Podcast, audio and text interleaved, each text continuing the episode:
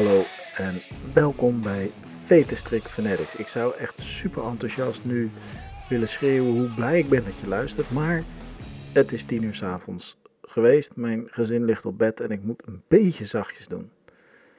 De family slaapt en, nou ja, papa neemt de podcast op. Ik uh, heb heel veel zin in deze podcast. Ik heb echt een hele toffe gast, heel leuk gesprek gehad met Martine Bakker. Zij is tekstschrijver, comedian, comedienne, comedian. Nou ja, grappen maken. En een uh, creatieve copywriter. En daar is ze ook heel goed in. Ze heeft een heel mooi traject doorlopen waarin ze zichzelf van alles heeft eigen gemaakt op het gebied van tekstschrijven en creatieve concepten bedenken. Dat kan ze heel goed. En ik had de eer om met haar nou ja, bijna een uur te mogen praten over hoe zij bezig is met het creatief proces, hoe zij zichzelf ontwikkeld heeft, hoe ze kijkt naar wat wel en niet werkt voor haar, maar misschien werkt, is dat, werkt dat ook wel voor jou. Laten we gewoon naar het gesprek gaan. Ja, toch? We, hebben geen, we hebben, het is een podcast. Ik maak hem zelf, mag zelf weten wat er gebeurt. Er is geen reclamebrok. Ik hoef geen reclame te maken voor een matrassenboer of uh, VPN, whatever. Nee, het is gewoon mijn podcast. Ik bepaal wat er gebeurt. En ik zeg, we gaan nu naar het gesprek met Martine. Veel plezier. Maar la laten we even bij het begin, waar kennen wij elkaar überhaupt van? Oh ja, waar kennen we elkaar van? Nou, uh, van Community met een Q. En dat is een uh, organisatie voor freelancers die uh, nou, mensen om zich heen missen en willen netwerken. En wij zijn daarbij gekoppeld als partners. Ja. ja, ze zijn wel heel goed op de, de, hoe zullen we dat noemen? Woordbranding. Ja. Dat is vaak wel de, de want spartner is dan sparringspartner in één gedrukt. Zeker. Toch? ja. ik. En meestal doen ze nog ook iets van een woordschap waar dan een Q in, in zit. Dus ze zeiden bijvoorbeeld tegen ons dat wij allebei creatieve ervaring hebben waar je Q tegen zegt. ja, ja, dat is ook zo, ja.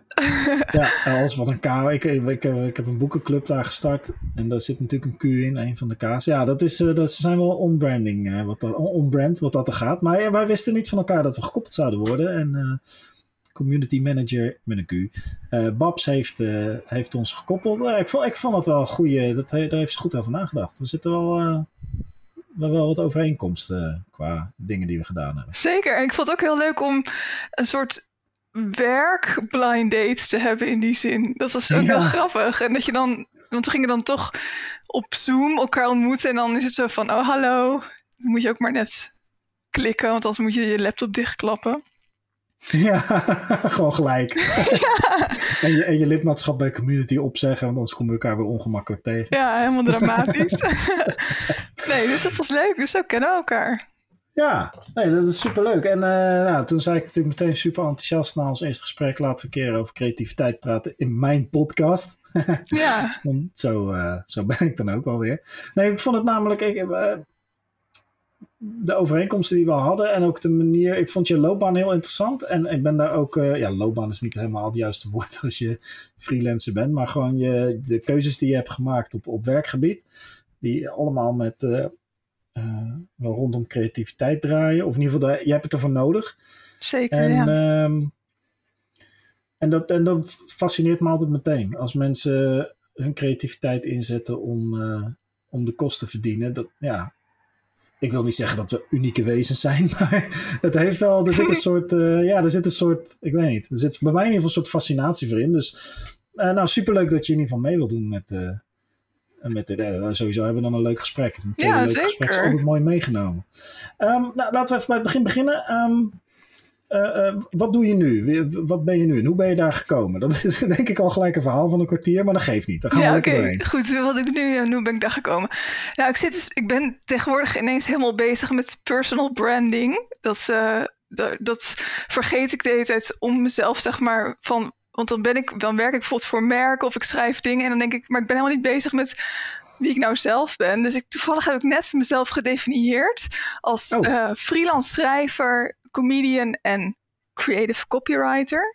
Dus uh, ja. dat is eigenlijk wat ik nu in totaal doe. oh, dus Ehm, mag ik daar gelijk op inhaken? ja, zeker. Want daar zit, daar zit eh, eh, eh, puur vanuit commercieel oogpunt zie ik eh, creative copywriter en, en, en schrijver. Dat, dat, dat is te vermarkten. Ja. Eh, maar je hebt daar com- comedian in gezet. Is dat omdat je ook ingehuurd wordt als comedian? Of is, zet je de comedian in omdat je dan eh, omdat die andere twee dan misschien wel interessanter worden voor potentiële opdrachtgevers? Nou, sowieso eh, is wat ik schrijf is eh, humor georiënteerd. Dus als ik voor merken schrijf als eh, creatief copy- copywriter, dan wil ik het liefst werken met merken die humor hebben. Of die dat Mhm. willen uitbouwen of uitstralen. Dus ik werk bijvoorbeeld voor, voor Innocent Drinks, zo'n sapjesmerk. En, Ja, ehm, ken ik heel goed. zij zijn echt heel goed in op de verpakking ook allemaal grapjes verstoppen en in de communicatie. Ehm, maar ik werk bijvoorbeeld ook als uh, satireschrijver voor De Speld. En um, binnen De Speld heb ik ook nog mijn eigen platform opgericht samen met uh, mede-comediennes. Want het is uh, door vrouwen en voor alle figuren. Het heet De Pin. En daar schrijf ik ja, humor vanuit vrouwelijk perspectief. En het is eigenlijk een, een parodie-achtig iets op vrouwenbladen.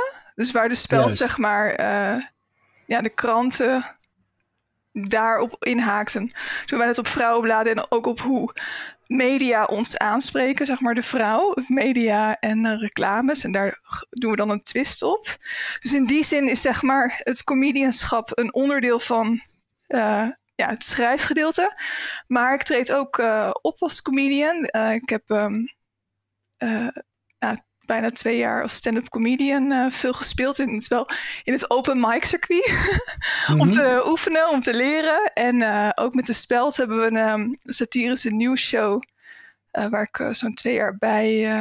Ja, nu even, omdat het natuurlijk door corona gaat natuurlijk alles niet meer door. Maar ja, in het. Dus dan gingen we op festivals, op congressen. En daar, daar was ik dan, nou, ook comedian, dus dan echt op het podium in die zin. Ja, precies. Dus het versterkt elkaar. En, en het zijn. wat ik ook wel altijd interessant vind aan de comedians, is dat het. Um, als het gaat om comedians ben ik altijd een buitenstaander. Maar een beetje zoals ik ook heel erg fan ben van basketbal. Weet je wel? Ik basketbal ja. zelf ook. Maar op, op niet, totaal niet op topniveau. Um, maar ben ik fan van basketbal. Maar ik ben wel in die zin een soort outsider. Omdat ik niet weet hoe het is om Eredivisie basketbal te spelen.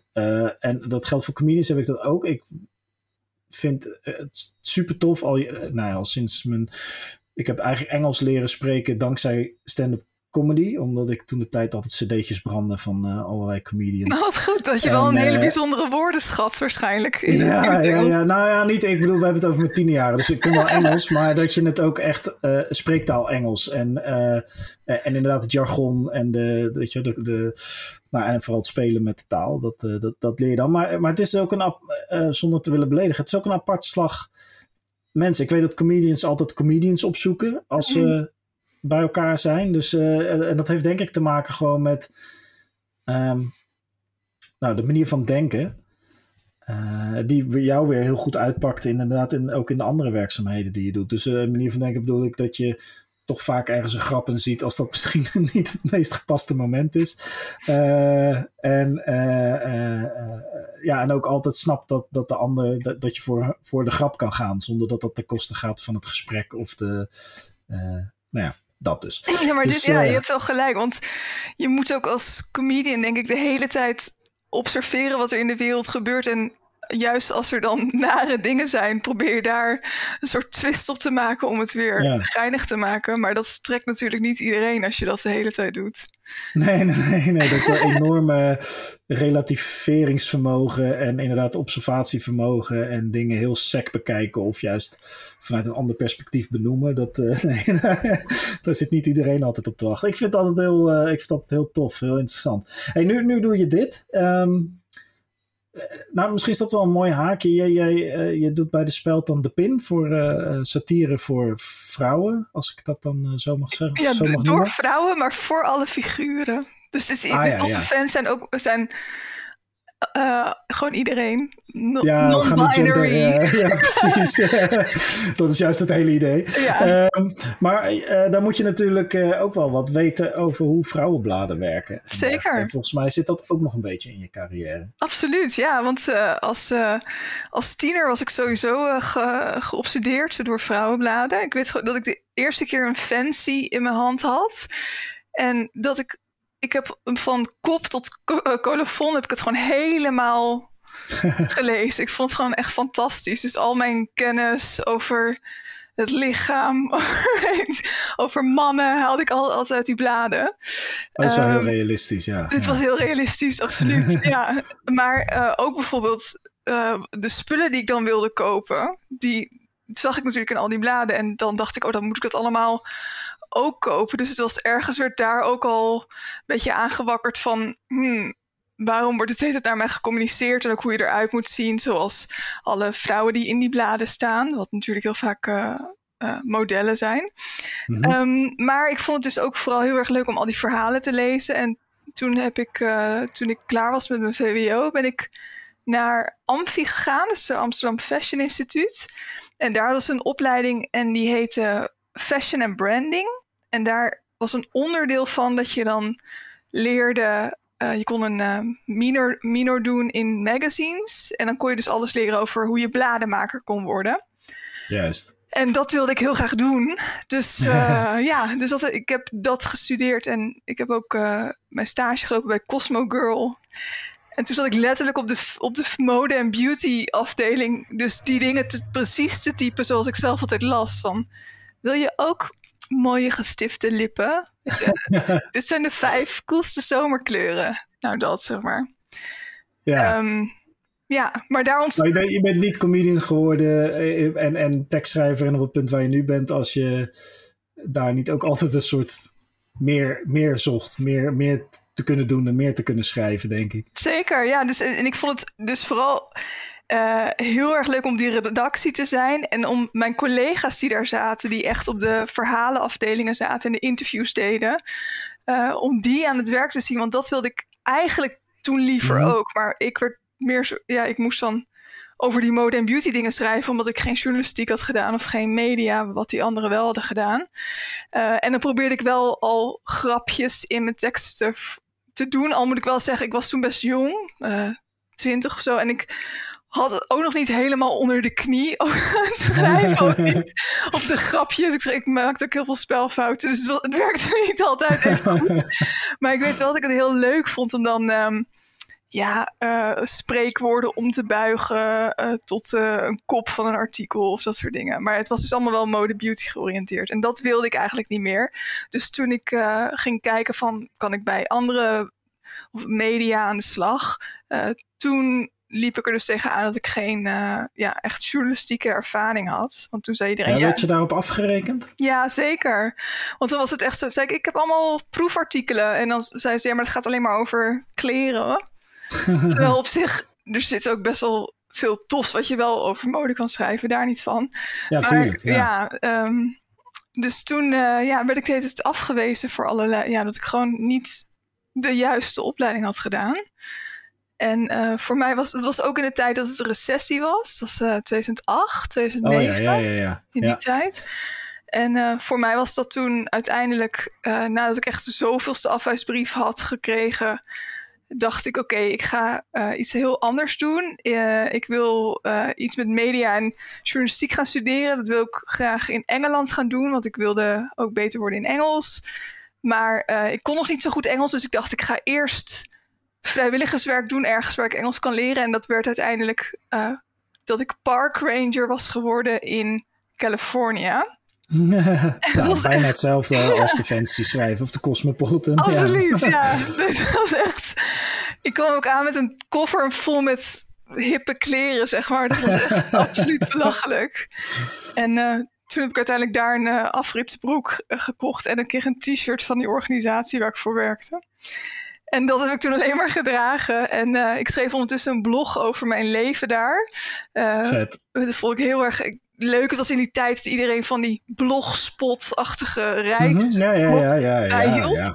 Dus ik schreef over mijn, uh, mijn ja, park ranger bestaan. En ik merkte dus elke keer als ik schreef hoe erg ik het ook had. Want er gebeurden ook allerlei erge dingen. Uh, dat er een beer in ons kamp was gekomen die iemands tent had opengekrapt. Of omdat hij... Ja, en kom dan maar eens met vijf lipstick, lipstick tips. Ja. Uh. lipsticks zijn zelfs het ergste. Want als je dat in je tent hebt liggen, dan denkt de beer dat dat eten is. Omdat hij dat ruikt. dus het was echt... Het was gewoon een moordwapen werd het ineens. Een suicidal moordwapen. Suicide by lipstick, ja. ja, precies. Dus ik had helemaal niks aan mijn skills so far. nee, dus, uh, maar goed, daar schreef ik dan, uh, dan die blog over. En um, uh, ook als ik dan ziek was geworden of zo en het allemaal vreselijk was, dan vond iedereen het heel grappig. Dus ik, toen leerde ik wel van, ja. ja. eigenlijk wel van dat juist de humor ook zat in de zelfspot en ook in de, de tragedie. Hey, en als je daar dan, als je, als je niet aan het schrijven was daar en je deed daar je werk, ik kan me voorstellen, kijk, je bent in een prachtig natuurgebied, maar daar ben je na een week of twee, drie ook al aan gewend. Um, en er gebeuren natuurlijk af en toe heftige dingen in zo'n park, maar er zijn waarschijnlijk ook dagen dat het gewoon saai is. Dat, tenminste, het werk zelf is saai, kan ja. me voorstellen. Ik weet niet wie, precies wat je werkzaamheden waren. Um, maar uh, uh, hielp dat wel op een of andere. Op wat voor invloed had dat op jouw creatief denken, om het iets wat hoogdravend te zeggen? Nou, um, uh, ja, die werkzaamheden waren inderdaad best wel intens. Namelijk, bijvoorbeeld, we moesten van die hikingpaden aanleggen voor uh, wandelaars. Of één, één keer hebben we volgens mij drie weken iets gedaan wat echt te nutteloos voor woorden was. Want dan moesten we gaten in de woestijngrond hakken en daar dan ergens anders takken verzamelen en die erin stoppen.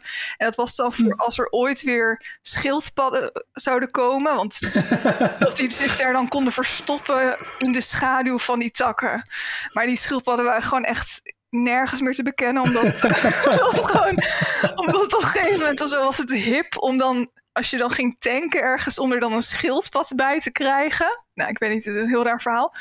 En uh, waren dus al die schildpadden daar uit die omgeving weggehaald.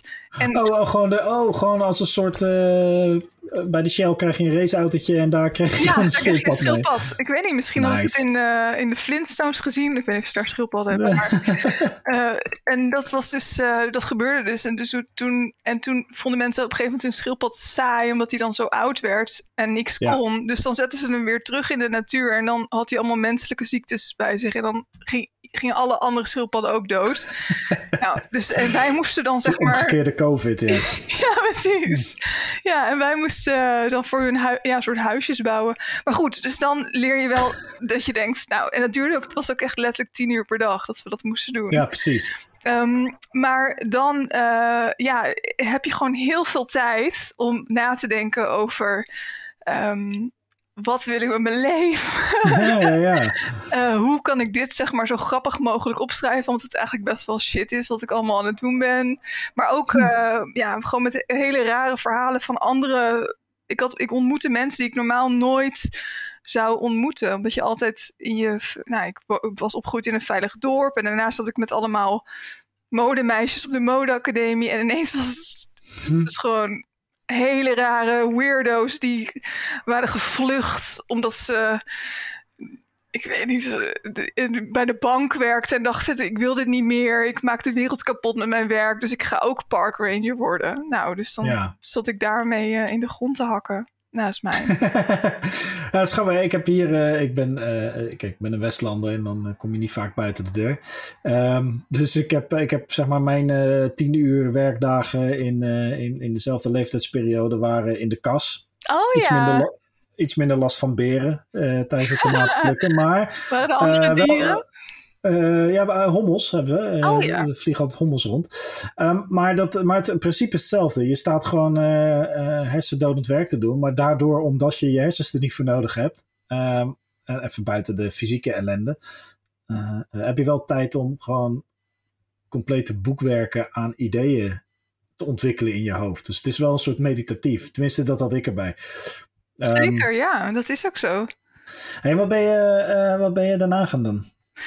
Um, nou, toen dat uh, avontuur een beetje op zijn eind liep, ging ik naar Engeland verhuizen. En ehm, ik wilde dus iets met media en journalistiek doen. Maar ik wilde dat dat begon in januari. Want ik weet niet precies, ik had allemaal. Ik had een soort afgekaderde ideeën waar, waar het aan moest voldoen. En toen kwam het ongeveer op neer dat het in één plek in Engeland zo'n soort studie was. En dat was in Coventry. Uh, en dat is een stadje vlakbij Birmingham. En ik heb toen even heel snel op Google gekeken hoe dat eruit zag. Ik dacht, nou, volgens mij is het best wel leuk. Schattig. ja, maar toen kwam ik daar dus aan. En um, uh, het ding is dus dat Coventry is dus de plek die is gebombardeerd door de Duitsers. Om, toen ze de Enigma-code al hadden gekraakt. Uh, ja. de, de Engelsen. Maar dat ze dachten van ja, maar als wij nu deze bombardement gaan tegenhouden, dan weten de Duitsers dat, uh, dat we het weten. En dan gaan ze misschien een andere code gebruiken. Dus toen hebben ze dus die stad laten bombarderen. Uh, nice. Dus, ja, dus, dus het was gewoon. Er stond letterlijk één mooi gebouwtje en de rest was allemaal ja, wederopbouw en vreselijk. En er zijn hele erge recessies geweest en heel veel mensen zijn mensen verloren. Maar ook de hele industrie, wat was ooit een hele autorijke industrie, dat is ook allemaal ingestort. Dus het was echt een dramatische stad. Ja, ja, ja. ja, en dat in combinatie met dat ze heel veel uh, studenten hadden uit, uh, over de hele wereld die daar naartoe gingen, maar ook heel veel mensen uit China en Afrika. En dat was weer heel tof, want daardoor zat ik, kwam ik in een klas terecht uh, met mensen van over de hele wereld. En zaten we in dat hele rare, lijpe stadje en gingen we eigenlijk nou, studeren en in het weekend alleen maar naar underground hip-hop parties. Ja je, ja, je gaat jezelf entertainen dan. Ja, Volgens en, mij is dit, dit hoor je ook wel. Dit is ook de reden waarom er bijvoorbeeld heel veel rappers komen uit Spijkenisse en Hellevoetsluis en zo. Van die, ik wil niet zeggen dat het, die zijn dan niet gebombardeerd in de Tweede Wereldoorlog. Maar een beetje van die uh, troosteloze uh, steden waar het waar je, echt, waar je gewoon jezelf moet leren vermaken, anders is er echt geen fuck te doen. Ja, maar dat is absoluut um, waar. Want ik hoorde ook mensen die bijvoorbeeld in Londen gingen studeren, maar die dan daar niet aan toe kwamen, omdat ze alleen maar ja, toffe feestjes en concerten. En bij ons was er gewoon echt er was niks te doen. Dus door de week moest ik ook wel studeren in die zin. Dat hielp en, ook, ja. Uh, ja. en ik heb ook toen heel veel comedy gekeken. Want uh, ik, op een of andere manier hoorde ik daar dan ook wel... Ik, hoor, ik, ik kende comedy wel in de zin van... dat ik uh, de Vliegende Panthers of Hans Steeuwen dat kende. Maar niet, zeg maar, die Amerikaanse en Engelse stand-up. En dat heb ik toen ook heel veel gekeken. En Seinfeld en zo. Mm -hmm, ja, ja, ja, ja. Dat ik uh, iets te doen moest hebben. Ja. Naast het studeren. Dus toen uh, heb ik daar anderhalf jaar gestudeerd. En daarna wilde ik eigenlijk nog niet naar huis. En toen ben ik naar Londen, wel uiteindelijk naar Londen verhuisd. En heb ik daar nog een jaar gewerkt. eerst als fietsgids. op, ja, zeg maar dat ik op de fiets de stad ging laten zien aan toeristen. Uh, ja. Het was een beetje een random baan, omdat ik, ik zocht zeg maar. Ik had gegoogeld uh, Nederlanders, job, London of zo. En toen was er dus echt iets van: we zoeken een cycling tourguide. En toen dacht ik, oh, was nou, dat of, ja, dat of molenaar, zeg maar. Precies. nou ja, inderdaad. En ik dacht, oh, ik kan fietsen. Dus nou, dan kan ik vast wel, uh, wel tourguide worden op een fiets. Ja, ja. Um, uh, dus dat was op zich wel grappig. Toen en daar leer je natuurlijk weer, want kijk, ik zoek natuurlijk elke keer uh, allerlei diepzinnige dingen achter. Ja, het haakje. En daar leer je natuurlijk gewoon presenteren. En elke keer hetzelfde verhaal vertellen op een manier die niet alleen leuk is voor je, uh, de toeristen die je rondleidt, maar ook een beetje interessant blijft voor jezelf. Zeker, ja, dat, want dat was ook zo. Want ik moest dan, ik verzon ook heel veel, omdat ik helemaal niet zelf per se de weg weet. dus ik zat ook gewoon heel vaak gewoon van, oh ja, hier hebben de Beatles elkaar ontmoet, of weet ik veel, gewoon van die hele random shit, zat ik dan te zeggen. Ik dacht van, ja, ik moet toch iets verzinnen over, over dit gebouw of wat dan ook. Want dat is heel grappig, als je dan tourguide bent, dan zegt ineens iedereen tegen je, oh, wat is dit voor gebouw? denk je, ja, alsof ik alle gebouwen van de wereld ken, maar goed. Um, ja, maar dat is, is wel een beetje zo, Net zoals dat je als je comedian bent, zeggen ze altijd, maken ze grap. Terwijl alsof je dan ter plekke in die context nog iets leuks kan verzinnen, zeg maar. Ja, ja. Dus uh, dat zijn de, de makken van de, van de beroepen. Oh, ja. beroep, ja. Oh mijn god, ja. Dat is ook wel altijd... Uh, moet je ook altijd maar weer leuk uit de hoek komen. Ja, ja, dat klopt. Hey, maar dat... Uh, nou ja, kijk als je het zo oplepelt, kan ik natuurlijk allerlei. dan, dan zie ik gewoon. Het is bij wijze van spreken de beste een van de betere creatieve opleidingen die je kan volgen. Van, van hersendodend werk naar hersendodend stadje, naar uh, een plek waar je die skills moet inzetten om mensen te vermaken.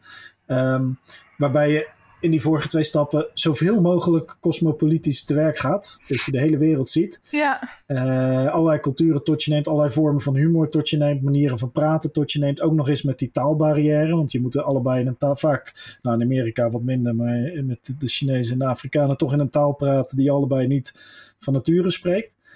Ja, ik snap al dat. dus de een betere opleiding voor wat je nu doet, kun je bijna niet, uh, niet krijgen. Dat is misschien ook de reden waarom je nu doet wat je doet, denk ik. Oh, wel, ja, wel een mooie samenvatting zo. Als ik het dan, als je, hoe je het zo reflecteert.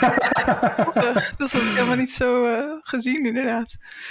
Nee, ja. nou ja, ik weet ook niet of je. Um, er is echt wel een, een, hoe zeg je dat? Er is echt wel een, een noodzaak of een reden voor scholing uh, en educatie op een enigszins gestructureerde, geïnstitutionaliseerde manier. Maar dit gedeelte is, ik bedoel, bij fashion en branding en, en de opleiding die je in, in Coventry deed, heb je echt wel heel veel geleerd, gok ik. Tenminste, ik spreek even vanuit mijn eigen ervaring met opleidingen. Ja, maar uiteindelijk, uiteindelijk wat, wij nu, wat jij doet en wat ik ook nu doe uh, en gedaan heb, op mijn middelbare school kon niemand een opleiding verzinnen die, die goed was om schrijver op het internet te worden. Simpelweg omdat schrijven op het internet geen ding was in de jaren negentig voor mij. En uh, dat, dat, dat uh, ja, dus, dus er bestond helemaal geen opleiding om te doen wat, wat jij en ik nu doen. Nee, dat is ook, ja, dan kon je misschien inderdaad journalistiek of media of Nederlands, doen, ja, maar, zoiets. Maar ja, dan moet je ook maar net, ik bedoel, mijn, mijn ouders zeiden ook een keer tegen mij: Wil je geen journalistiek doen? En toen dacht ik: Ja, maar dan moet ik voor de krant werken. Dat Ja, lijkt me wel heel ach. saai. dan moet je En- schrijven volgens Stramien en ja. Ja, dus dat, eh, nee, dat is waar. Inderdaad, ik denk dat je gewoon echt een combinatie van wel op een bepaald nive- niveau denken, wat heel leuk is, en dan eh, verder door levenservaring en hele, in hele gekke situaties zitten, je er waar je je uit moet redden, dat je dan die creativiteit wel meer ontwikkelt. Ja, hè?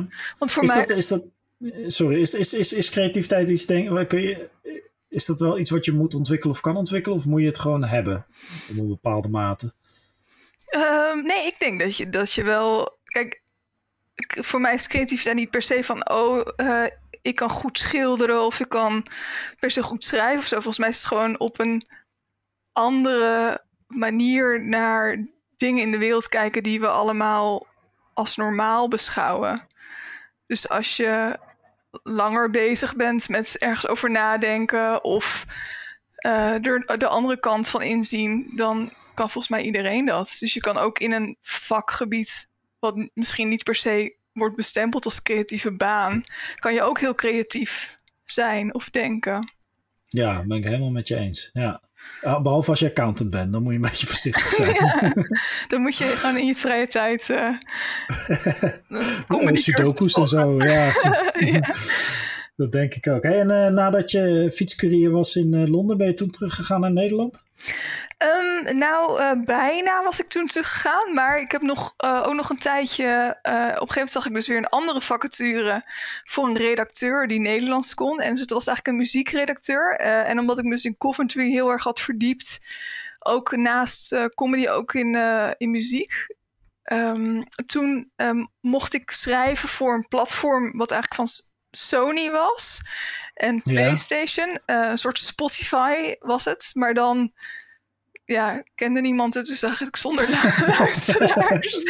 Ehm, maar daar ehm, mocht ik playlists voor maken. En zo, ja, een beetje zoals je nu ook bijvoorbeeld morning tunes op, op Oh, ja, ochtend, ja, ja, dat, die, die playlist stelde ik samen. Ehm, en dan eh, aan de hand van de Nederlandse markt. Dus ik mocht dan bijvoorbeeld ook naar Eurosonic Noorderslag om te kijken of er eh, nieuwe Nederlandse talenten waren. Ehm, maar ik mocht bijvoorbeeld ook die playlists helemaal zelf invullen zoals ik wilde. Dus dan had ik bijvoorbeeld, daar zocht ik dan ook de humor in. En dan had ik bijvoorbeeld de Stalker playlist met alle- alleen met I'll be watching you en zo. Weet je, dat soort nummers maakte ik dan in, in die playlist. Maar ehm, eh, op een gegeven moment had ik een keer een mailtje gekregen in mijn eh, inbox van... wil je deze artiest interviewen? Dus ik denk dat dat per ongeluk bij mij terecht was gekomen. En dat was, dat was Meu. Ik weet niet of je haar kent, maar dus een, nee. ze, ze heeft zo'n liedje met een major laser ook. Nou, ik weet niet. Oh, oké, helemaal, nice. helemaal tof. Um, en toen dacht ik, oké, okay, dus ik, ik zei, ja, is goed, dat wil ik wel. Uh, maar ik had geen, niet per se een platform, maar toen uh, zei, had ik het gevraagd aan mijn baas en die zei, nou ja, we hebben wel voor PlayStation zou je het kunnen, uh, kun je, kunnen publiceren, maar dan moet je haar wel allemaal vragen stellen over games. dus toen zei ik, oké, okay, is goed. Dus ik heb haar allemaal van wat, wat voor game karakter zou je willen zijn als je er een was. Nou, echt een belachelijk interview. Maar goed, toen dacht ik, oh, wat leuk. Ik kan gewoon uh, mensen interviewen. En um, dus toen ging ik dat doen. Voor, ook voor de lol, een beetje voor mijn eigen blog en zo. Ging ik artiesten interviewen. En, ja. uh, maar dat was steeds in het Engels. En ik merkte gewoon qua humor dat als... Ja, het is gewoon in je eigen native taal, zeg maar, ben je gewoon het beste. Mm -hmm. Uh, ja, in de nuances, in de woordgrappen zoeken en zo. En toen dacht ik, oké, okay, ik ga gewoon terug naar Nederland. In het Nederlands schrijven. En misschien kan ik nu met deze zak ervaring wel een baan vinden. Ja. Um, wat ook niet per se was. Uh, dat duurde alsnog acht maanden. Echt niet, niemand zat nog steeds niet op me te wachten. ah, je, ze waren gewoon nog, je, je, je, was toen nog niet bezig met je personal branding. Dus ze waren nee, gewoon nog niet overtuigd genoeg van de kwaliteiten die je echt wel had. Ja, die branding, ja, dat was echt uh, dat was een beetje onhandig. nee, dus toen, uh, ja, toen kwam, ben ik weer teruggekomen. En toen vond ik dus na acht maanden uh, een baan bij CEP. Ja, ken ik. Ja, ja, ja. Um, en ja, daar mocht ik echt eindelijk de verhalen schrijven die ik de hele tijd wilde schrijven. Namelijk over cultuur, over muziek, over artiesten. Ik ging stand-up comedians interviewen, theatermakers, uh, auteurs. En het was geweldig, want ik kon dan iedereen alles vragen wat ik wilde. En dan ook nog, zeg maar, uh, allerlei dingen leren. Want ik dacht, oh, dat wil ik eigenlijk al. Ik wil oh, ook ja. boeken schrijven. Ik wil ook theater maken. En dan kon ik dan gewoon vragen van hoe zij zijn, waren begonnen. En mm-hmm. uh, ja, voor mij was dat zeg maar echt uh, de aanzet tot eindelijk een beetje woorden wat ik, wat ik wilde doen. En, en, en mocht je, had je daar de vrijheid om zelf je, de redactionele vrijheid om zelf je, je, je onderwerpen en uh, interviews te, te, te kiezen? Of werd je aangestuurd? Nou, ik had uh, ja, gewoon een hele leuke uh, hoofdredacteur, eindredacteur. En uh, de voorwaarde bij CEP was altijd...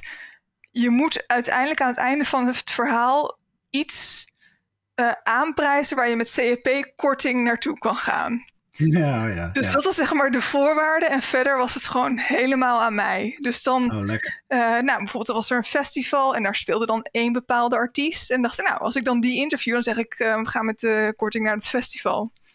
Ja. Of uh, ja, dat ging dan ook met theaterstukken. En het was ook de bedoeling dat het grappig was. Dus dan maakte ik formatjes. Dus dan maakte ik bijvoorbeeld, ik had een idee verzonnen dat ik alleen maar mensen interviewde die rijmden op tent.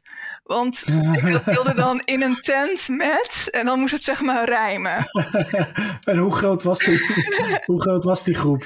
Nou, eerst was het nog van een, uh, ja, iets van een rappende vent en een DJ in de vent. Oh, zo, ja, ja, ja. Maar goed, op een gegeven moment dacht ik, ja, ik zou, dan, interview ik alleen maar mannen. Dus had ik ook een keer een hele band. Uh, en toen dacht ik, oh, en wat, misschien was er de musical, er was een musical, dacht ik, oh, in een tent met de hele cast van Rent. Nou, uh, dus toen, um, ja, dus zo eigenlijk. Ik heb er best wel wat gedaan uiteindelijk. Grappig, hè? En, en dat vind ik ook altijd, uh, dat is een van mijn, hoe noem je dat, paradepaardjes? Ik weet even het goede woord niet. Maar dat, dat juist mensen denken bij creativiteit vaak van, nou, die mensen moet je helemaal alle vrijheid geven die er is. Want dan worden ze creatief. Uh, maar ik geloof dat, uh, ongetwijfeld zal het in sommige gevallen waar zijn, maar ik geloof er ook heilig in dat juist door hele strakke kaders te stellen, dat je nog creatiever wordt. Bijvoorbeeld zoals jij nu noemt, ja, het moest rijmen op tent en het, ik deed het interview in een tent. Um, dwingt je om naar mogelijkheden te zoeken die je niet had verzonnen als de opdracht alleen was, ga artiesten interviewen. Ja, absoluut. Ik, ik geloof heel erg in die kaders ook. Want als je inderdaad... Um, als je alles maar kan maken, dan is het gewoon te groot en te veel. het wordt al gauw absurd en, en te meta, denk ik dan. Ja, nee, dat, dat is ook zo. Ik voel het ook met, uh, met de spel, met de pin. Dan vind ik het het, het fijnst als ik het onder, als iets wat die dag in het nieuws is, dat ik denk, oké, ik ga iets doen met Britney Spears.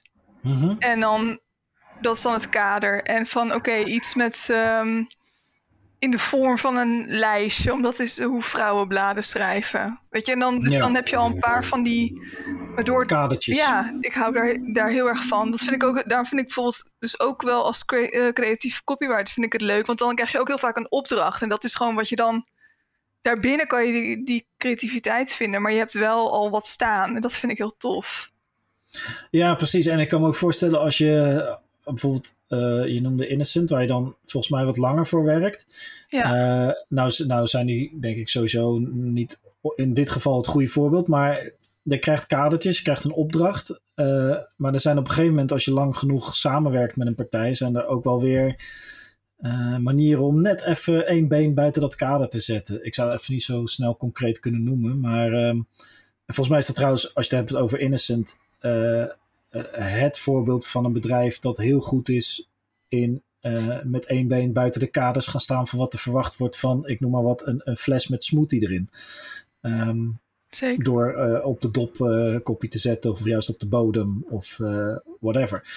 Ehm, maar dus het is heel goed om, om, om te beseffen wat je kaders zijn, daarbinnen te, te, te, te maximaliseren en vanuit allerlei perspectieven dat kader aan te vallen. En dan soms kun je ook net even erbuiten pissen, denk ik. En dan eh, wordt het daardoor weer interessant. Ja, zeker. Want Dus is- ja, bij zo'n Innocent ook, als je dan het label hebt, dan moeten natuurlijk de ingrediënten. Maar dan vind Ja. ik het heel grappig als er dan staat van eh, een geplette mango in plaats van mango. En, eh, en, en, en bevat geen je wel? Ja, en dan wat is, correct is. Ja. ja, precies. En dan is het zo'n heel klein detailtje wat je ook echt alleen maar ziet als je toevallig even op dat label kijkt. Maar dan die verrassing en ja, dat vind ik heel cool. Het is een soort de volwassen versie van een fans hagelslagpak. Ja, In precies. opzicht. Dat je Ja. gewoon. eh, Daar was eh, ik vroeger altijd- ook fan van, van fan, Ja, van fan ja. aanslag. Grappig hoe dat werkt, hè? En dat principe dan gewoon, eh, gewoon nog beter toegepast. Hey, als jij. ehm, eh, eh, je hebt een hele hoop creatieve mensen geïnterviewd inmiddels. Wat, wat zijn er ook. Zijn er dingen. eh, En dat vond ik heel interessant dat je dat zei. Dat je eh, het niet alleen deed voor het stuk, maar ook vanuit een soort autodidactiek. En ik denk dat dat ook een beetje de rode. Dat is ook waarom wij redelijk goed op één lijn zitten. Want het autodidactische aspect is eh, nou ja, bij ons allebei erg, erg belangrijk. Maar zijn er dan ook dingen eh, eh, die je dan opvallen aan de, die creatieve. Of in ieder geval mensen die, met creatief, die op een creatieve manier bezig zijn met een vak. Zijn er eh, gemeenschappelijke eigenschappen of, of juist zijn de verschillen enorm? Eh, Zijn, zijn er, zie je daar een rode draad in? Ehm, nou, volgens mij is wel één rode draad bij sowieso makers. Dat je door fases gaat van wat ik nu heb bedacht is echt briljant. Tot wat ik nu heb bedacht is zo slecht. En dit wil echt niemand lezen of zien. Of eh, ja, wat moeten mensen hiermee? Dus ik dus zeg maar die onzekerheid zit. Dat heb ik wel echt ontdekt dat iedereen dat heeft eh, van het maakproces. En Ja. eh, ook de, het uitstelgedrag ook. De- want je zou denken als, als iemand... ehm, bijvoorbeeld zelf ben ik bijvoorbeeld met een boek be- eh, nu bezig. Maar dan denk ik, oh, dat is, mijn, dat is een van mijn dromen. Maar dan tegen de tijd dat ik op een dag aan begin... wat ik daarvoor allemaal voor uitsteldingen heb gedaan... is gewoon echt belachelijk. en dat, is, dat hoorde ik wel van echt veel makers. Dat, het, eh, dat je echt bijna moet opsluiten in een hut op de hei of eh, wat dan ook, om maar te doen wat je moet doen.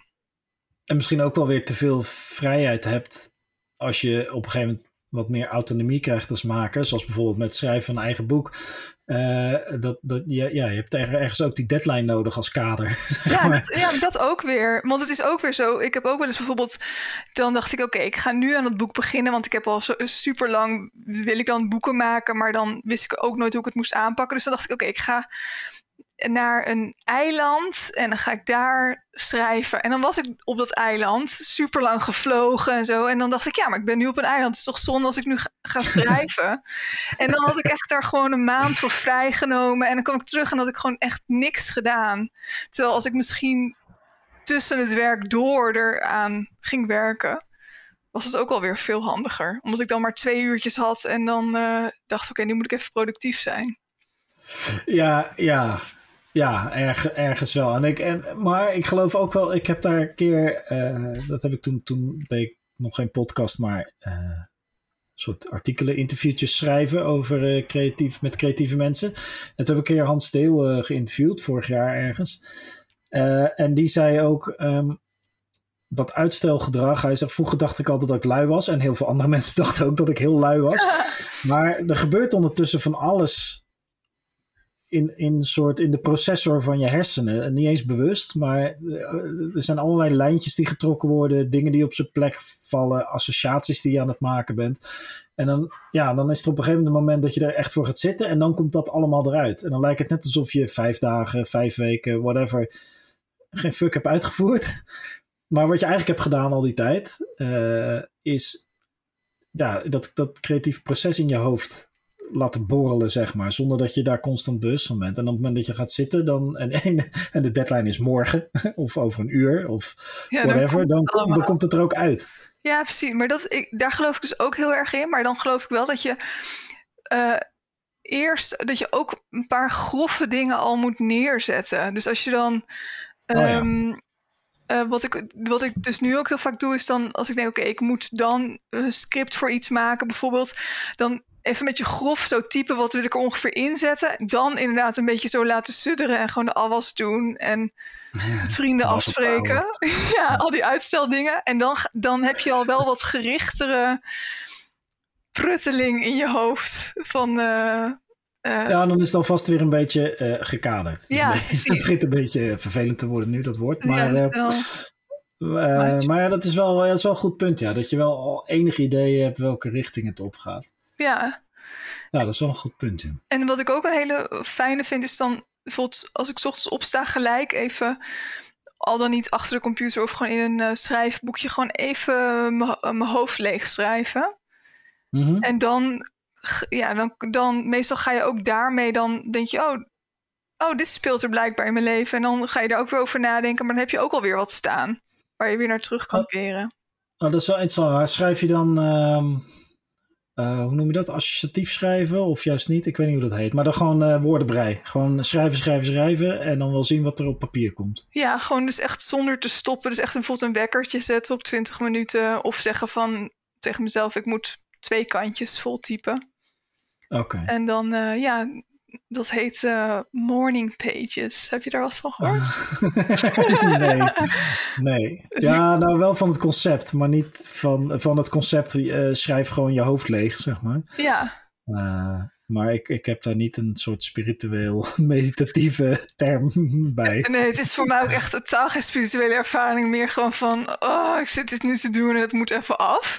Maar, maar het, het helpt wel heel erg om in dat ritme te blijven van iedere dag iets opschrijven.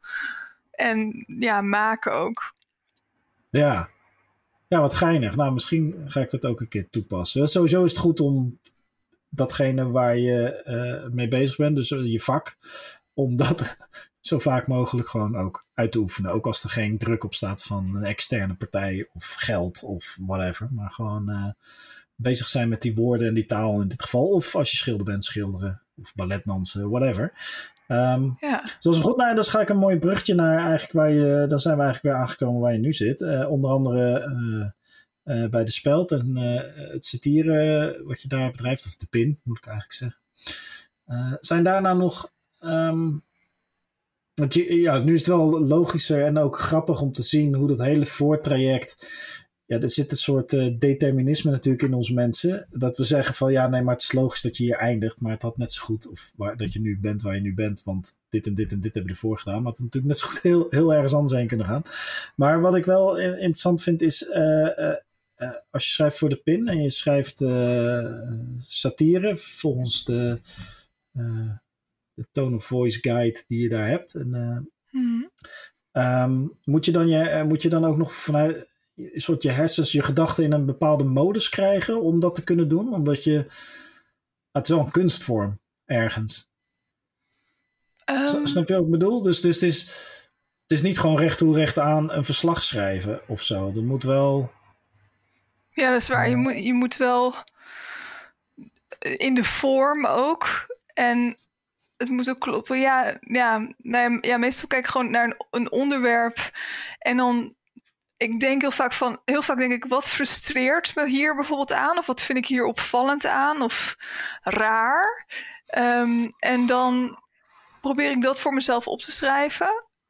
En dan probeer ik er dus het uit te vergroten of om te draaien of iets anders, een soort andere wereld erbij te voegen die misschien niet in eerste instantie lijkt alsof die matchen, maar dan is dat wel vaak zo.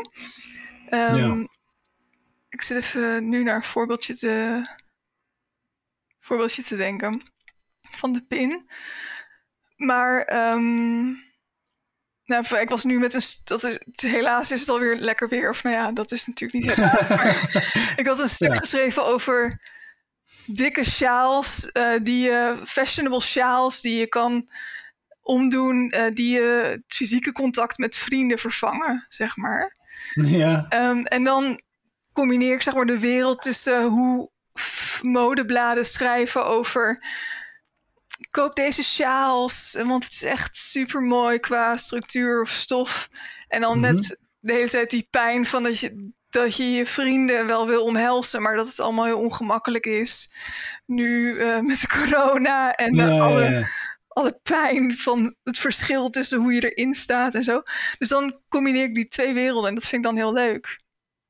Ja, zin. precies. En, eh, en daar moet je dan eventjes, eh, die connecties moet je kunnen leggen natuurlijk op een gegeven moment. En eh, op die manier die associaties maken en dingen bij elkaar brengen. Ja, dat is wel, eh, ja, dat is wel echt interessant. Ik heb ehm, eigenlijk, nou, ik heb weer enorm veel geleerd. Echt waar. Eh, ja.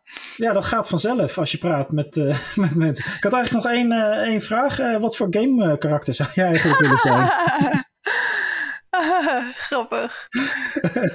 nee hoor, dat hoef je geen antwoord op te geven per se. Tenzij je er zelf al over nagedacht hebt. Misschien is het wel een heel interessant antwoord. Ik, ik, ja, ik weet echt totaal niks van Game, game je wel eens? Oh nee, dat is wel fijn niet. dat je dan voor PlayStation mocht werken. Ja, dat was ook heel. Daarom, die vragen waren ook heel echt. eh, Voor iemand die echt van games houdt, was het echt tenenkrommend. Maar nee, nee, ik denk. eh, een Tetris blokje. ja, precies. Ja, misschien een game van een. eh, eh, of, nee, wel een superpower misschien. Dat je dan. eh supergoed bent in allemaal. of dat je gewoon een boek. Een, creativiteitsboeken of zelfhulpboeken aanraakt. En dat je dan gewoon al die kennis bezit. Ja, dat is wel. Dat, dat, oh, ja, dat komt dat principe, dat leg ik altijd uit als. ik heb heel veel boeken die ik gelezen wil hebben, Ja, maar die ik niet wil lezen. Eh, ik En heb dat, ook echt eh, een stapel met eh, boeken over productiviteit, maar die zijn echt zo dik en ik heb er echt zoveel en ik heb ze nog nooit gelezen. Dus ik, elke keer als ik naar kijk, denk ik, ik ben echt totaal niet productief. Als ik dit ga lezen, word ik er ook niet per se productiever van. Eigenlijk is het lezen van boeken over productiviteit helemaal niet zo productief voor je werk. Nee, precies.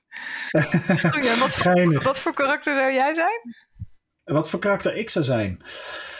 Daar heb ik eigenlijk ook nooit over nagedacht. Kijk, ik, ik moet nu natuurlijk gewoon zeggen. eh, eh, ik, ik speel. De, de games die ik speel. Of ik speel niet zo heel veel videogames, maar ik speel dan wel eens basketbalgames. Gewoon zoals je FIFA hebt, heb je dat ook voor basketbal. Dus dan maak ik mezelf altijd mega goede basketballen. Dat alle schoten erin vallen. En, maar ik ben 1,77. Dus als je mij op ware grootte in zo'n basketbalspel zet, waarbij alle andere spelers gemiddeld 1,96 meter zijn, ehm, dan ziet dat er echt niet, uit. Ik wou zeggen, dan ziet dat er niet realistisch uit, maar sowieso eh, eh, gaat de games daarom. Dus eh, ja, een hele goede basketballer, maar dat is niet echt een heel grappig antwoord op zich. Eh, dus eh, ik weet niet. Ik ga wat ik wel, eh, wat, ik tegenwoordig wel veel doe, is met mijn, eh, ehm, mijn zoontje hebben we elke maandag eh, voor het, nou, voor, na, na het eten, elke maandagavond, dus van, vandaag, we nemen het maandag op, dan hebben we een Minecraft uurtje. En dan gaan we samen Ah. allebei Minecraften. En dat is eigenlijk een beetje omdat hij dat heel tof vindt. En ik moet zeggen, ik vind Minecraft ook wel leuk. Eh, maar vroeger ging ik altijd Lego. En dan was het leuk als papa mee kwam Lego. Eh, alleen ja, Lego gebeurt ook wel. Maar er is nu nog dit extra component van videogames. Dus ik doe nu, gaan we gewoon een uurtje, ga ik proberen een beetje in zijn... in zijn belevingswereld te kruipen in Minecraft. Dat is heel leuk. Dus misschien ben ik wel gewoon dan een, een is dat Minecraft. Father. Ja, alles bij elkaar. Klinkt wel zo'n soort, ook een soort superheld figuur. Nou ja, op zich dat je ja, een soort, soort Uber-Bob te bouwen. Ja. Dat je alles, alles, altijd alles kan maken en dat het ook blijft staan als je het gemaakt hebt. Dat zou wel, wel, zou wel in het echt ook wel een handige superpower zijn. Ja, toch? Vooral omdat ik helemaal niet handig ben. Dus dat, eh, tenminste op, op eh, timmeren en eh, dingen in elkaar schroeven gebied dan. Ehm, En in podcast eh, in elkaar. Eh. en een podcast. Hij heeft ook al een paar keer, mijn zoontje heeft ook al een paar keer in de podcast gezeten. Oh, Twee cool. keer. Ging ik met hem praten. Wat is zijn over- grootste eh, tip over creativiteit? Nou, het eerste wat hij zei was: eh, eh, eh, ga Minecraften, want daar word je heel creatief van. Dat is, dus je zat erbij, zit een beetje, als we het hebben over kaders. Zijn belevingswereld is aardig afgekaderd door onder andere Minecraft. Dus dat. eh, en. nee, ik weet niet meer wat hij zei. Eigenlijk moet ik nu qua branding zeggen: luister aflevering 1 terug, dan hoor je het. Maar. ehm, eh, eh, nee, hij vond het, eh, als je op veel nieuwe ideeën moet komen. Wat, waar hij wel eh, met een beetje hulp op, uitkwam, was dat als je andere dingen doet. ehm, dat je daar, dat dat helpt om. in zijn geval dan om in Minecraft dingen te verzinnen om te bouwen. Dus als hij dan iets ziet in Mario World of hij ziet iets in het echte leven buiten, dan, eh, dan gaat hij eh, dat proberen na te bouwen in Minecraft. Maar de grap is, dat deed ik vroeger met Lego. Dus als ik, hem, eh, ik vond havengebieden vet tof. En dan ging ik, als we dan langs een havengebied waren gereden, ging ik dat van Lego nabouwen. Hij doet dat dus met Minecraft. Maar andersom ook. Dus als hij dan eh, hij zit niet de hele dag op een scherm, maar hij heeft een aantal favoriete spelletjes. En als hij dan buiten gaat spelen de hele middag met zijn vriendjes, dan gaat hij die spelletjes nadoen in het echt. En vroeger was dat eh, een soort Mario-levels nabootsen en overal op en afspringen. En eh, tegenwoordig is dat Among Us, wat een soort Wie is de Mol is. Ehm, dus dan gaat hij, eh, ja, gaat hij dat doen. En nu knikkeren, dus je hebt dat, eh, dat is dan van tv, dat Marble eh, Mania vindt hij helemaal tof. Dus dan gaat hij eh, knikkerbanen bouwen. Dus er zit wel een grap, is dat hij dus wel zelf kon concluderen dat het ene het andere inspireert. En dat vond ik wel weer geinig. Dus dat het niet erg is om af te wijken van, weet je wel, als je een boek moet schrijven of een podcast moet maken of een video moet maken of whatever. Dat het dan niet erg is om iets totaal anders te gaan doen eventjes, omdat dat soms helpt bij je creatieve werk. Zeker, Eh, best wel goede les eigenlijk. ja, vond ik eigenlijk ook wel. Ja, slim ventje. Zal hij wel van zijn moeder hebben. Dus, ehm, dus eh, dat, eh, nee, dat is goed. Dus dat, je maakt niet uit met wie je over creativiteit, of in ieder geval over het maakproces praat. Het, er zitten altijd slimme dingen in waar je weer wat van leert. Nou, en deze ook. Ik vond het hartstikke leuk. ja, ik Volgens mij ook. moeten we nu eigenlijk weer iets gaan afspreken, maar dat doen we denk ik niet in de opname. iets gaan Nee, afspreken voor, voor ja, community sparring, partner, technisch. Maar goed. Ja, nee, dat lijkt me echt leuk. Kunnen we even weer in een andere artistieke manier bedenken om eh, te communiceren. Ja, geinig hè? Ja, Leuk, nou sowieso eh, eh, succes met het, werk en ook de creatieve uitspattingen zoals het boek en dergelijke. ja dank je. En jij ook natuurlijk met al jouw artistieke projecten. ja, En Ja, dan, gaan lekker door. Is, is dit een natuurlijke afronding van podcast? van de podcast, ja, dat denk ik wel. Ja, ik weet nooit zo goed hoe dat moet. Dus ik zeg altijd maar gewoon eh, hartstikke bedankt voor het meedoen. Ja, dankjewel. Nou, niks gelogen toch? Was een leuk gesprek. En eh, ik denk ook best leerzaam voor, eh, voor veel mensen, in ieder geval voor mij. En eh, heb je zelf nou zoiets van, hey, eh, weet je wie je eens moet spreken over creatief proces? Laat me dat dan weten. Stuur een berichtje via social media, mail me via matthijs.shootyourshotmedia.nl. Dat is een e-mailadres dat je ook gewoon in de beschrijving van de podcast kan vinden. Heb je vragen over creativiteit? Heb je zoiets van, hey, ik loop hier vast of ik ben hier benieuwd naar?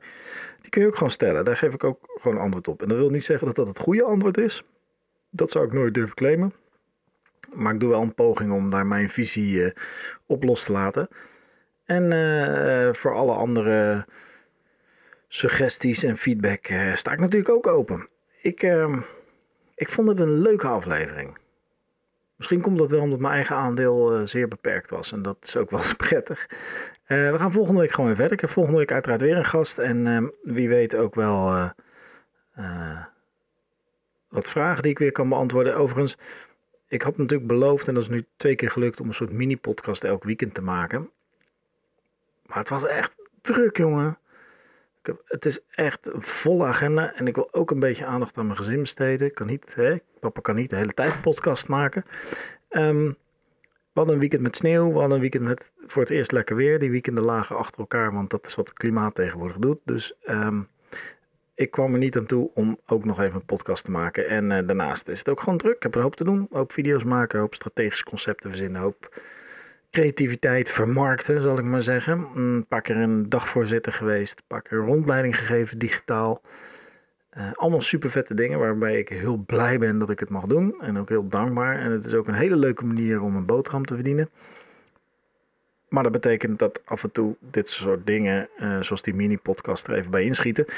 De grote podcast, en dan bedoel ik deze, de, de, de officiële afleveringen die elke dinsdag online komen. Ja, dat is gewoon mijn streven. Die komt er sowieso. En het liefst ook elke keer met een gast. En daar kan ik je hulp goed bij gebruiken. Heb jij goede gasten? Ben je zelf een leuke gast? Hey, je hoeft niet bescheiden te zijn. Zeg gewoon, eh, gast, ik wil eh, met jou eh, praten over creativiteit. Stuur een berichtje. Wie weet kunnen we wat regelen. Ik vond het leuk dat je luisterde.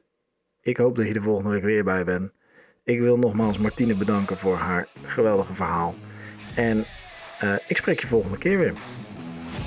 Be nice.